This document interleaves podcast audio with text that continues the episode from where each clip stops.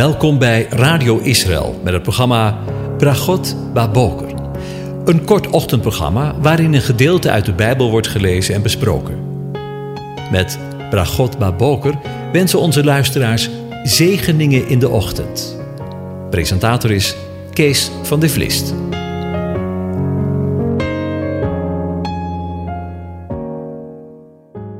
Goedemorgen, Bokatov, beste luisteraars. Ook vanmorgen denken we weer verder na over Psalm 126 en we lezen opnieuw de eerste drie versen.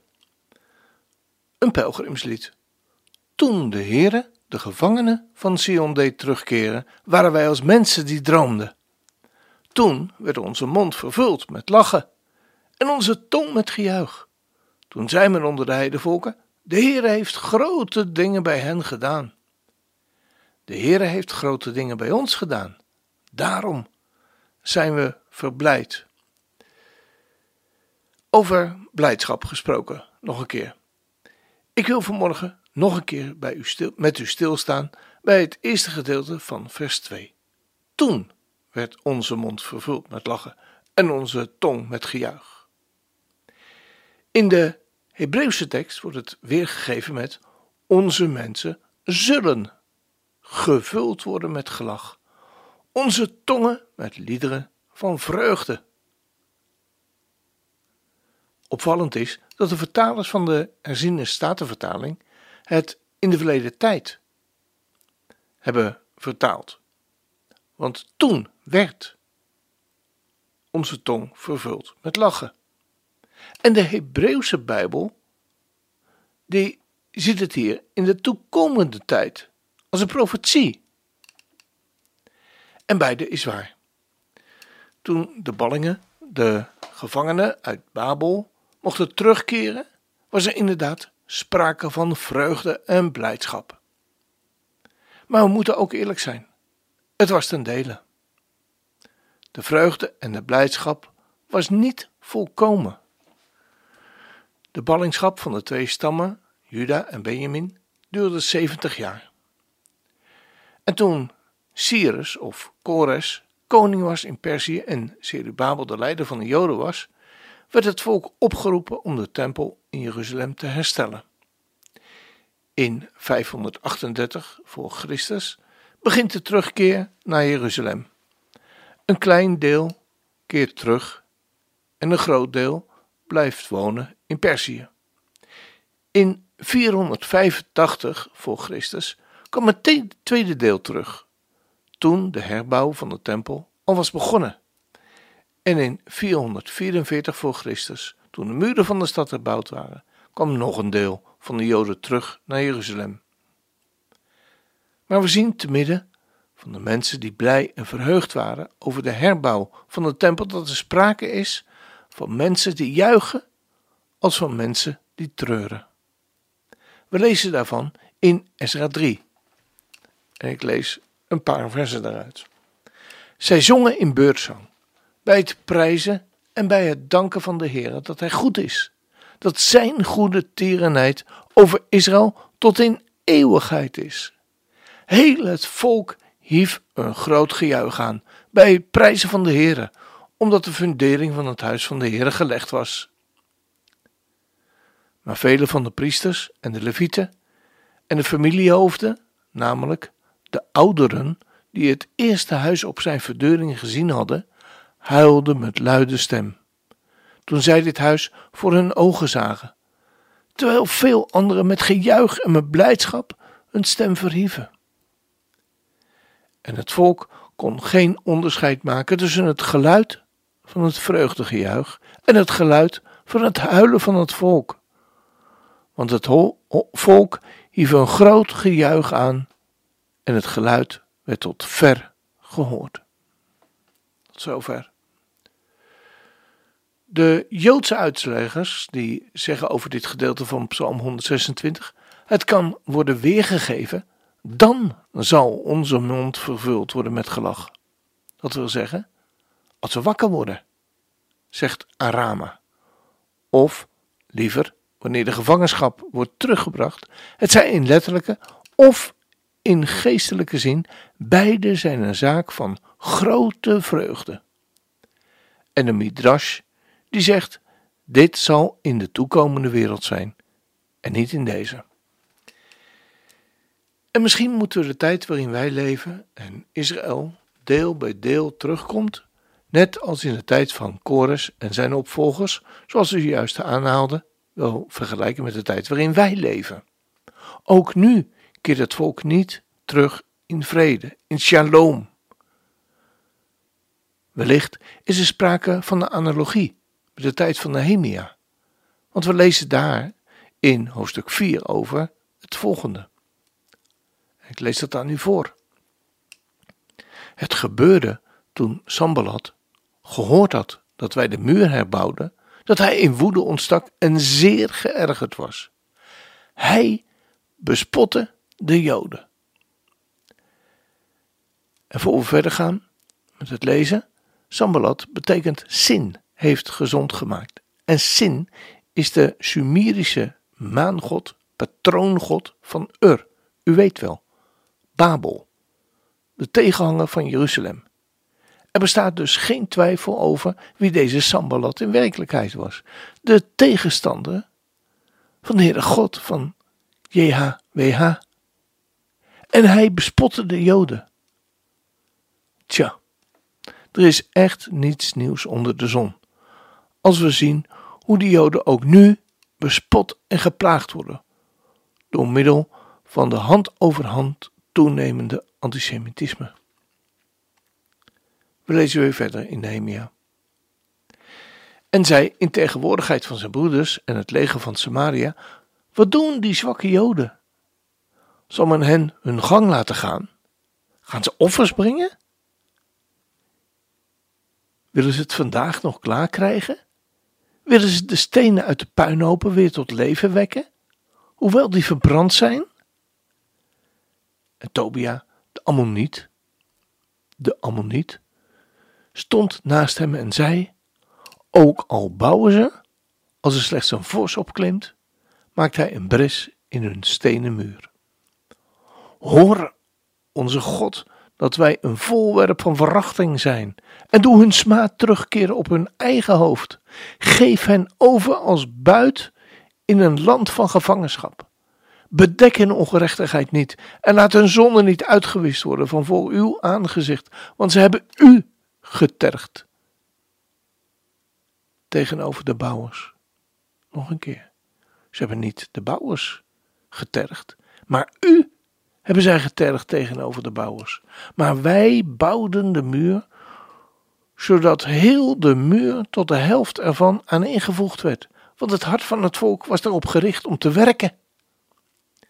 En het gebeurde toen Sambalat, Tobia, de Arabieren, de Ammonieten en de inwoners van Asdod, let op wie hier genoemd worden, Sambalat, Tobia, de Arabieren, de Ammonieten en de inwoners van Asdod hoorden dat het herstel van de muren van Jeruzalem vorderde, dat de bressen gedicht begonnen te worden, dat ze in hevige woede ontstaken.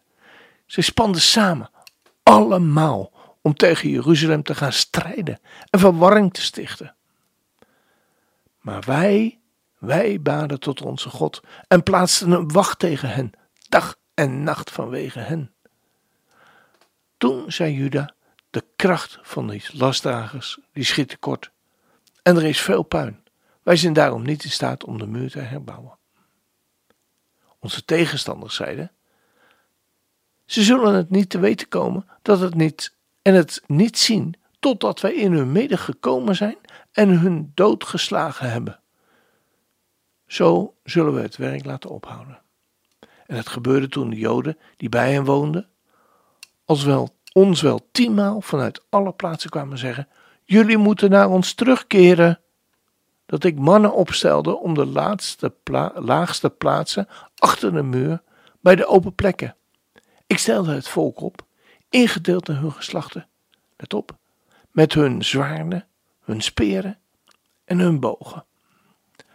En ik zag erop toe en stond op en zei tegen de edelen, de machthebbers en de rest van het volk: Wees niet bevreesd voor hen. Denk aan de grote, ontzagwekkende Heren. en strijd voor uw broeders, uw zonen en uw dochters, uw vrouwen en uw huizen. En daarna gebeurde het, toen onze vijanden hoorden dat hun plan ons bekend was geworden en God hun plan verijdeld had, dat we alle terugkeren naar de muur, ieder naar zijn werk. En vanaf die dag was het zo dat de ene helft van mijn knechten met het werk meedeed en de andere helft van hen de speren, de schilden, de bogen en de harnessen vasthield, terwijl de vorsten opgesteld stonden achter het heel het huis van Juda. Zij die aan de muur bouwden, zij die de lasten droegen en zij die ze opladen, deden met één hand het werk. Met de andere hand hield men de werpspies vast. De bouwers hadden elk zijn zwaard aan zijn heup, gegord terwijl zij aan het bouwen waren. Maar de bazuinblazer bleef bij mij. En ik zei tegen de edelen, de machthebbers en het overige volk: Het werk is veel en uitgebreid. Wij staan verspreid over de muur, de een ver van de ander. Op de plaats waar u het bazuingeschal hoort, daar moet u zich bij ons voegen. Onze God zal voor ons strijden. En zo deden we het werk. De helft van hen hield de speren vast, van het aanbreken van de dageraad tot het opkomen van de sterren. Ook zei ik in die tijd tegen het volk: ieder moet zijn eigen knecht binnen Jeruzalem overnachten, zodat zij voor ons s'nachts wacht en overdag werkploeg zijn. Nog ik, nog mijn broers, nog mijn knechten, nog de mannen van de wacht die achter mij kwamen, trokken in die tijd onze kleren uit. Ieder had zijn werpvies en water. Tot zover. Weet u, als we dit gedeelte herlezen, en anders moet, ik het, moet u het zelf thuis nog eens nalezen, dan hoop ik zo dat u de analogie, de overeenkomsten met de tijd waarin wij leven ziet. Ook nu komen vele Joden uit alle windstreken terug naar het land om het land weer op te bouwen. Maar helaas zien we ook nu dat een groot deel van de wereld, Sambalat, de grote tegenstander, het volk bespot en hen in een kwaad daglicht stelt. En het werk wil verijdelen. Maar samen met de tegenwoordige Tobia, de Arabieren, de Ammonieten en de inwoners van Asdod.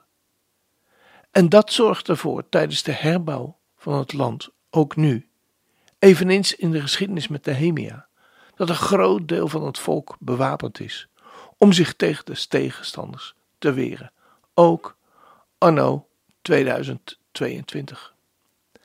Dat het huidige Israël kan zich evenals toen geen zwak moment veroorloven. We lazen, nog ik, nog mijn broers, nog mijn knechten, nog de mannen van de wacht die achter mij kwamen, trokken in die tijd onze kleren uit. Ieder had zijn werppies en zijn water. Maar er is hoop. Hoop voor de toekomst. Want we lezen ook in deze geschiedenis met Nehemia. Op de plaats waar u het bezuingeschal hoort, daar moet u zich bij ons voegen. Onze God zal voor ons strijden. Geweldig. Onze God zal voor ons strijden. En wanneer binnenkort op dat moment het bezuinige schal wordt gehoord, daar moet u zich bij ons voegen. Onze God zal voor ons strijden. Als dat geen zegen is.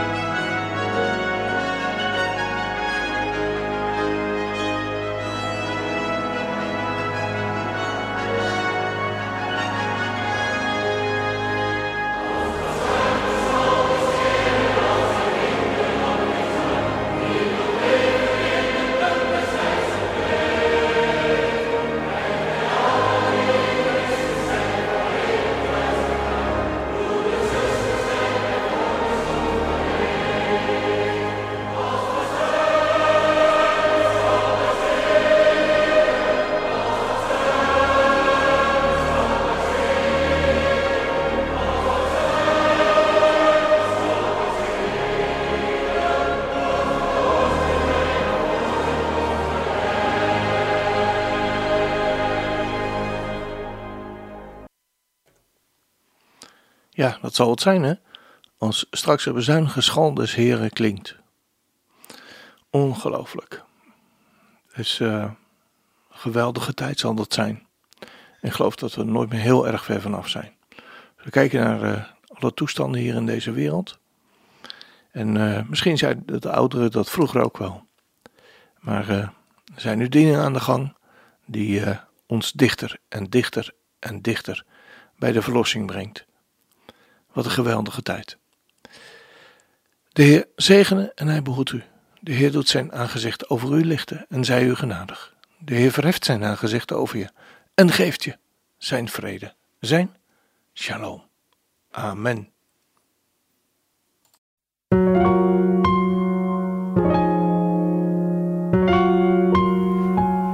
U hebt geluisterd naar het programma Bragot Baboker. Een kort ochtendprogramma waarin een gedeelte uit de Bijbel wordt gelezen en besproken. Wilt u het programma nog eens naluisteren, dan kan dat.